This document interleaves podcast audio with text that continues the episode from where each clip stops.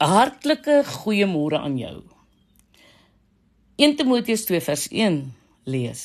Heel eerste wil ek ernstig vir jou vra. Smeek God gedurig om hulp. Bid aanhoudend. Doen gereeld voorbidding vir ander mense. Nou kyk om Karel was 'n groot man met 'n donker stem en sagte oë. En hy het in die Vrystaat met skape en mielies geboer. Hy was regtig baie lief vir die Here. En dit het almal geweet wat hom geken het. Nou wanneer hy saans huisgodsdiens gehou het, het sy kinders geweet hulle is in vir 'n baie lang sit. Hulle kon nie speletjies speel nie want oom Karel het meestal met oop oë gebid.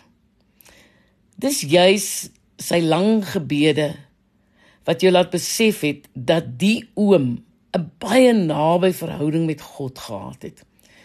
Hy sou sommer in die middel van die gebed opstaan en vir die Here vra om na die mielielande te kyk en dan smeek hy vir reën. En op dieselfde manier het hy mense wat swaar kry en regeringsleiers aan die Here opreg opgedra. Dit was met 'n dringendheid wat jou laat besef het dat hy vertrou God vir 'n antwoord. En hy het begin en geëindig deur dankie te sê vir al sy seëninge. Nou Job se lewe het verander toe hy vir sy vriende begin bid het. Maak ons regtig genoeg tyd om ander met danksegging aan God op te dra. Of het ons gebede in krydenierslysies verander wat hoofsaaklik op ons eie behoeftes fokus. Ek dink dis nogal belangrik dat ons vir onsself hierdie vraag vra. Johannes 9 vers 31 sê Hy sê as iemand egter God met oorgawe dien en doen wat hy wil hê, luister God hom. Nou het jy al ooit iemand teëgekom wie se geloof net daardie titseltjie ekstra krag het. Ek het ook 'n vriendin Elrina, sy het so geloof. Jong, wanneer sy mense bemoedig, word jy stil en luister jy. Want jy weet dit kom nie uit haarself nie. En Elrina se jongste kind het op 4 jaar in hulle swembad verdrink. Dit was 'n verskriklike tyd in haar lewe. En na 30 jaar onthou sy steeds hoe God haar deur die tyd gedra het. As jy ooit deur so 'n krisis gaan en jy beleef God se nabyheid, het jy verseker iets wat iemand nooit van jou kan wegneem nie. Jong, dis 'n diepe ontzag vir God se genesende krag.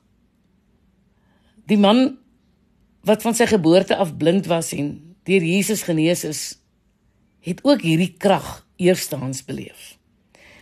Hy het die manipulerende fariseërs geantwoord: "Een ding weet ek wel. Ek was blind en nou sien ek." En toe hulle aanhou, was hy kragtige getuienis. As hierdie man nie van God was nie, sou hy niks kon doen nie. Hy was nie bang vir die fariseërs nie, want hy het net vir sy geneeser ontsag gehad.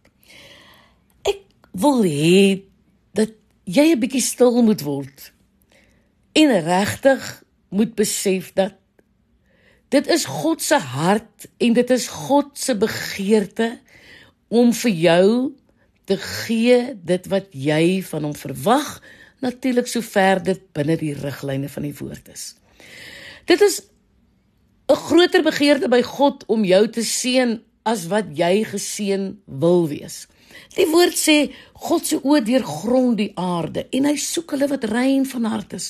Onthou nie hulle wat volmaak is nie, hulle wat rein van hart is. Hoekom?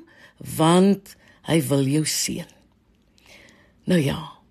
Mag hierdie gedagte jou 'n afwagting in jou hart gee om aan te hou bid en om God in geloof te vertrou vir dit wat jy van hom nodig het.